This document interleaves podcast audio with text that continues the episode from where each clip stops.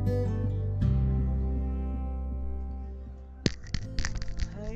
kembali lagi dengan saya Fahru Rozi di mana menjelaskan dan menganalisis MPL turnamen Mobile Legend.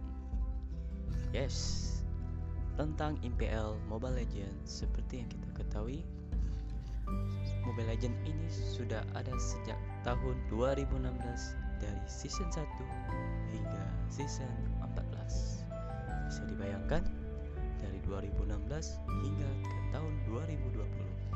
Tiga tahun lebih sudah ada di Indonesia. Kini bahkan sudah terkenal di kancah internasional.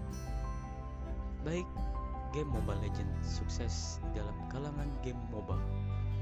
Perlu diketahui MOBA itu adalah untuk menggunakan secara game online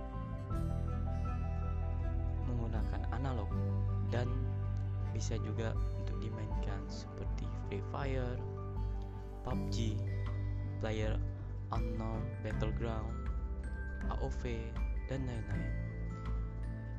Lalu kita tidak menyangka game pada handphone handphone yang ada di Android kalian ini bisa booming di kalangan anak-anak, remaja maupun orang dewasa. Oke, karena game mobile ini dibuat dari developer Cina yaitu Shanghai Mountain Technology Corporation Ltd atau LTD.